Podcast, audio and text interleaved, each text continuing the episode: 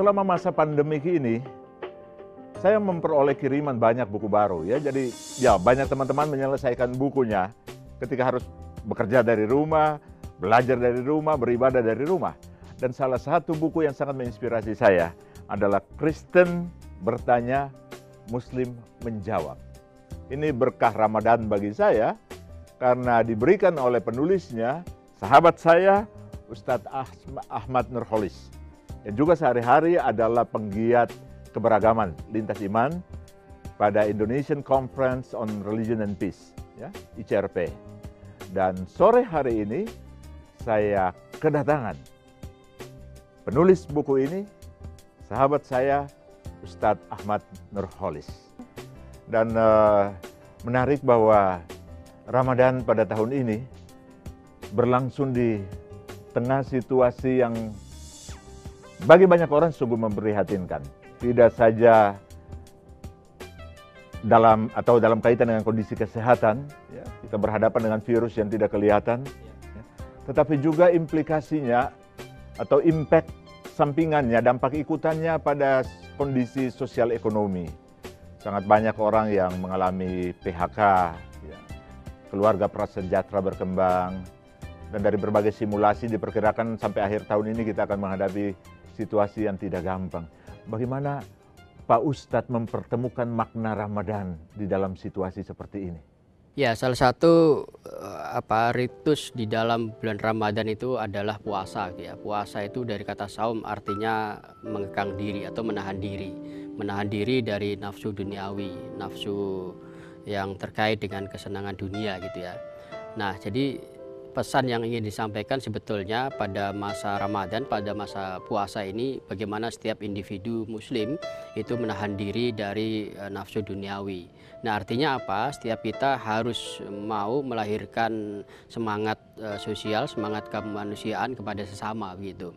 Dan Islam sendiri sebetulnya di setiap perintah melakukan ibadah ritual selalu diiringi dengan perintah untuk melakukan kepedulian sosial. Misalnya perintah sholat gitu ya, ayatnya itu aqimus sholat wa ati, wa uzakah. Dirikanlah sholat dan berikan zakat gitu. Nah artinya ritus itu kan kewajiban kita kepada sang khalik. Sementara setelah itu adalah kita perlu menjalin jalinan kemanusiaan, kepedulian antara sesama. Nah dalam Islam ada instrumen zakat. Zakat itu merupakan ajaran di mana bahwa di antara harta yang kita miliki itu tidak semua punya kita. Ada sebagian yang harus kita berikan kepada mereka yang membutuhkan gitu. Nah, oleh karena itu kalau kita kaitkan dengan pandemi corona ini, maka di sinilah pentingnya kita membuktikan bahwa ajaran agama kita itu e, selalu mengedepankan nilai-nilai kemanusiaan, kepedulian kepada sesama. Ya, kalau di dalam Islam itu kan ada ajaran persaudaraan gitu ya. Ada ukhuwah Islamiyah, persaudaraan antar sama umat muslim, tapi juga ada ukhuwah insaniyah, persaudaraan antar sama manusia. Nah, persaudaraan itu eh, mestinya memang bisa kita aplikasikan secara apa, apa aktif gitu ya, bukan bukan pasif, aktif dalam artian begini. Dalam kondisi seperti ini kita penting untuk menjaga diri supaya tidak tertular juga sekaligus tidak menularkan kepada orang lain.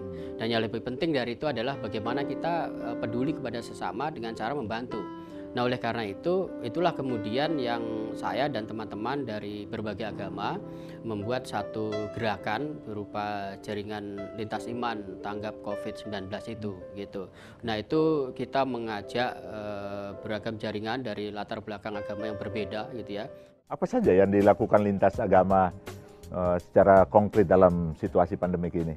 Ya pertama dari ide awalnya dulu ya bang ya. Ah. Idenya ini kan sebetulnya gini, selama ini kan kita teman-teman dari berbagai agama itu memang sudah terbiasa lah melakukan dialog gitu. Tapi kadang-kadang ini kan seremonial gitu ya di atas yeah. panggung gitu. Ah. Nah ini saatnya dialog itu diimplementasikan dalam ranah praksis yeah. nyata gitu ya. Itulah kemudian pada masa pandemi COVID itu kita nyatakan dialog itu menjadi dialog kemanusiaan.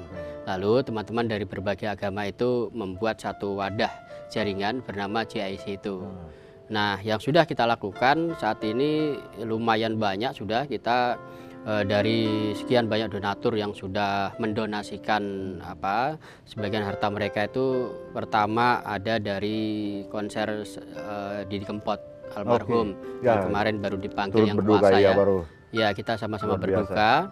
Nah, dari beliau melalui konser uh, Sobat Ambiar itu kita mendapatkan 1,5 M lebih. Hmm. Nah, itu sudah kita belanjakan menjadi 5.350 paket sembako. Yeah.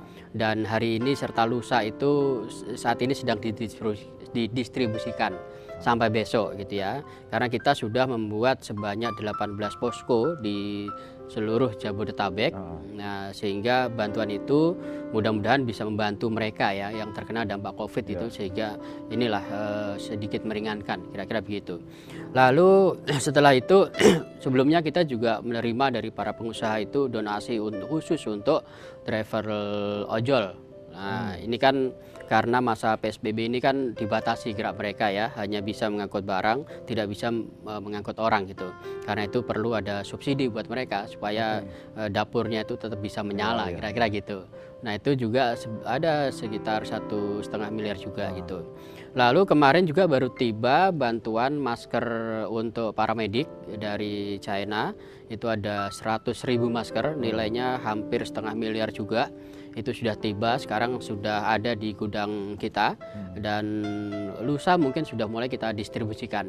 Nah rencana akan kita distribusikan ke ini ke daerah timur Indonesia bang, okay. karena kabarnya di sana itu banyak rumah sakit yang belum kebagian Betul. ini eh, apa APD, APD dan di antaranya adalah masker gitu. Oh. gitu.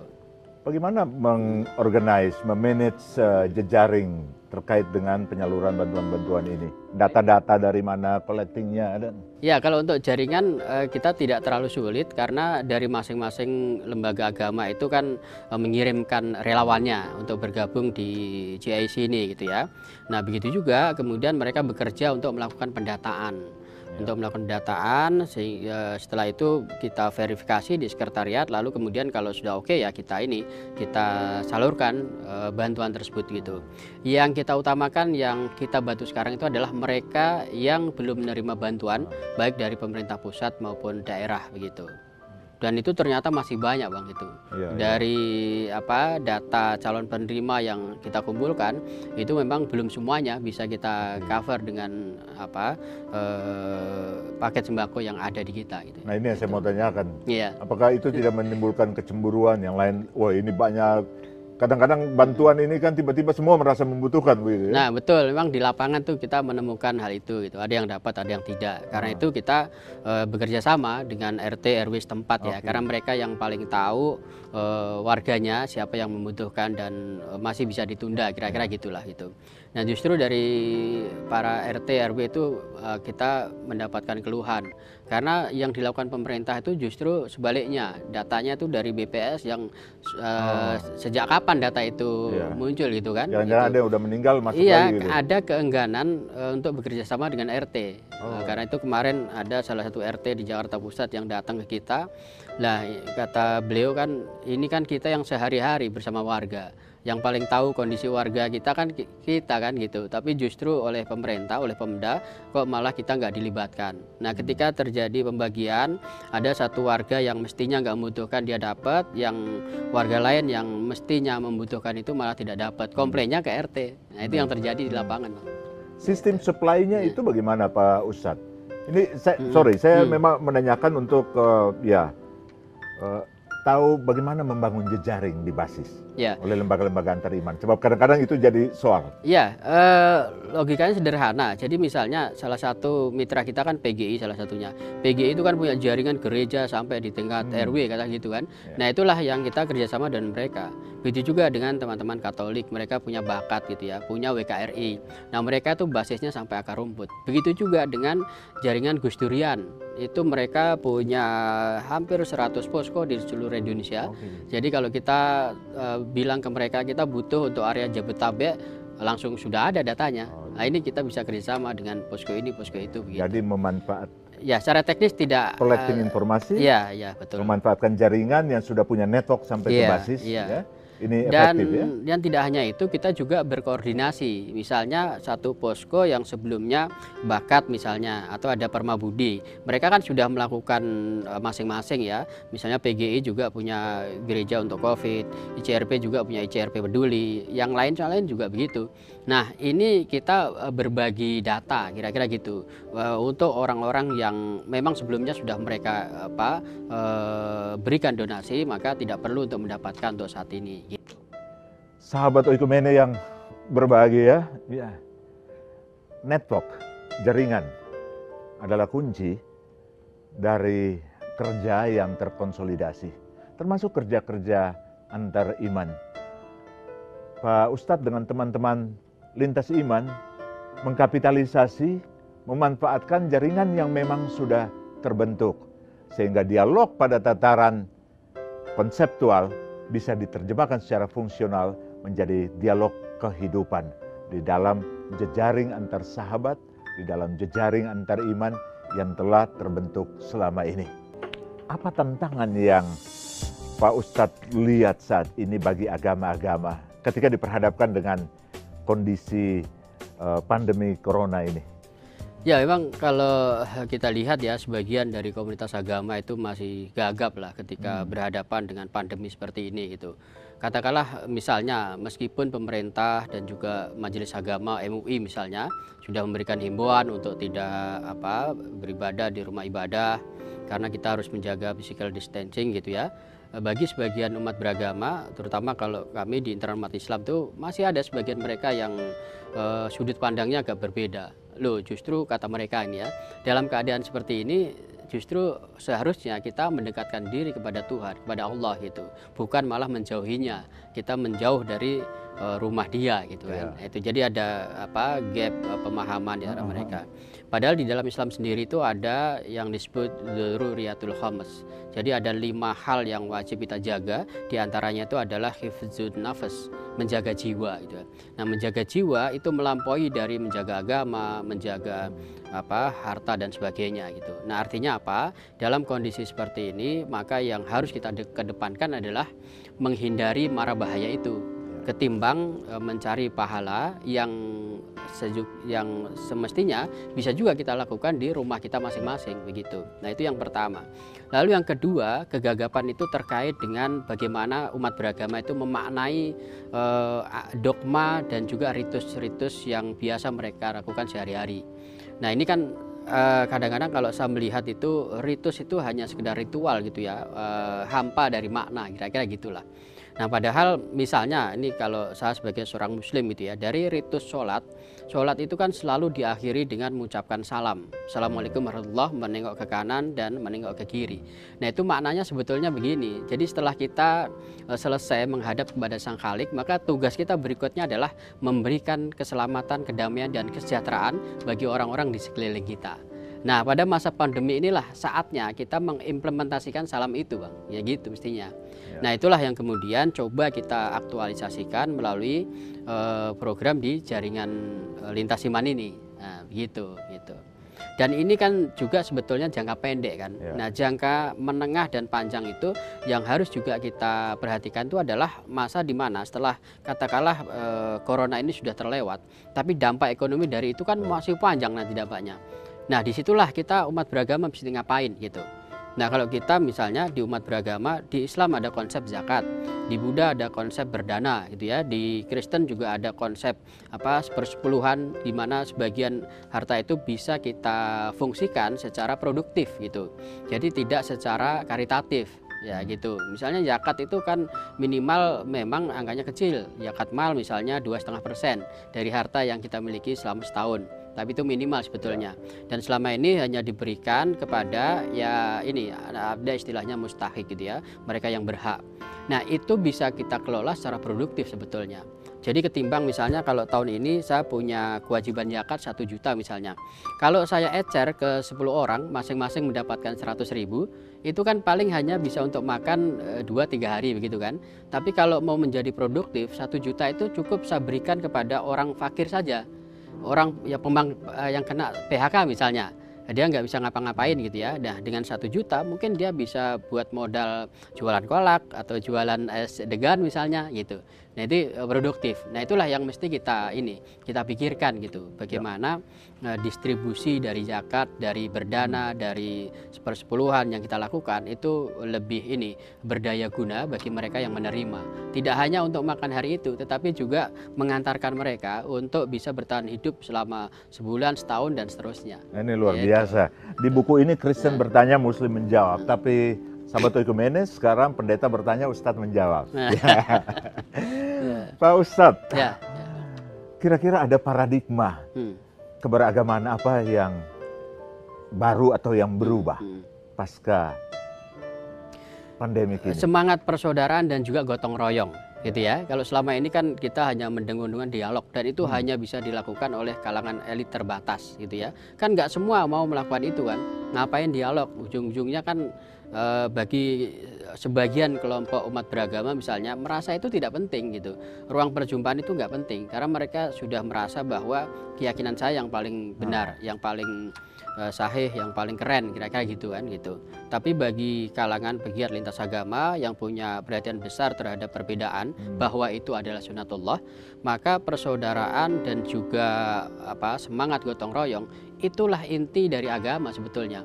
Orang bisa ber, merasa bersaudara dengan orang lain yang berbeda, bisa melakukan gotong royong. Kenapa? Karena punya punya punya cinta dalam dirinya. Dan cinta itu bagi saya adalah merupakan ajaran inti dari agama. Tidak hanya agama Islam, tapi saya kira juga agama-agama gitu. Karena itu saya secara khusus bicara tentang itu di salah satu buku saya itu yang judulnya Agama Cinta, ya. menyelami samudera cinta agama-agama. Nah, jadi menurut saya ke depan itu yang jauh lebih penting adalah menumbuhkan uh, rasa cinta, kasih dalam diri setiap umat beragama sehingga kalau dia berhadapan dengan orang lain yang berbeda, apalagi dalam kondisi yang yang katakanlah uh, drop parah dari sisi ekonomi gitu, maka kita terpanggil untuk menolongnya.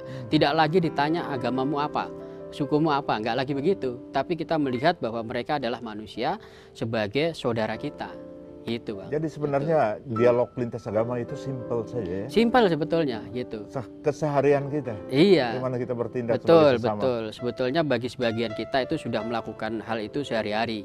Hanya kadang-kadang mereka tidak tahu bahwa itulah cerminan dari ajaran agama yang mereka anut gitu. Kan tidak semua dari kita umat beragama itu membaca Alkitab, membaca Al-Qur'an gitu kan. Sehingga juga mereka tidak apa tidak memahami secara detail ajaran agama mereka. Tapi saya yakin nilai-nilai seperti itu masih dimiliki oleh masyarakat kita.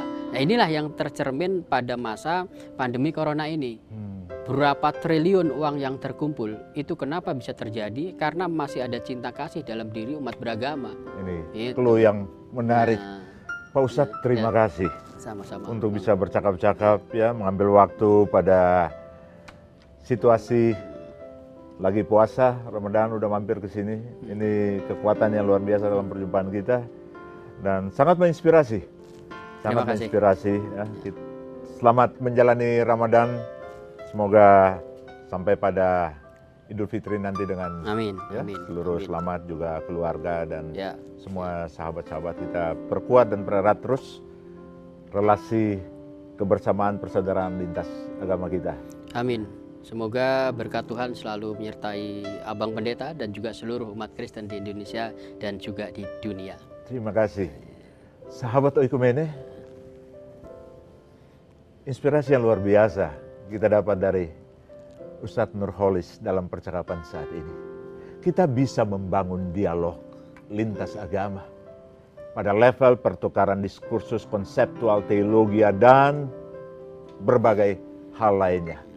Tapi kalau kita tidak punya cinta, kita tidak punya solidaritas kemanusiaan, kita tidak punya empati, persaudaraan, maka seluruh dialog menjadi tidak berarti pandemi corona COVID-19 tidak punya afiliasi agama, tidak punya afiliasi ideologi, tidak punya afiliasi aliran politik.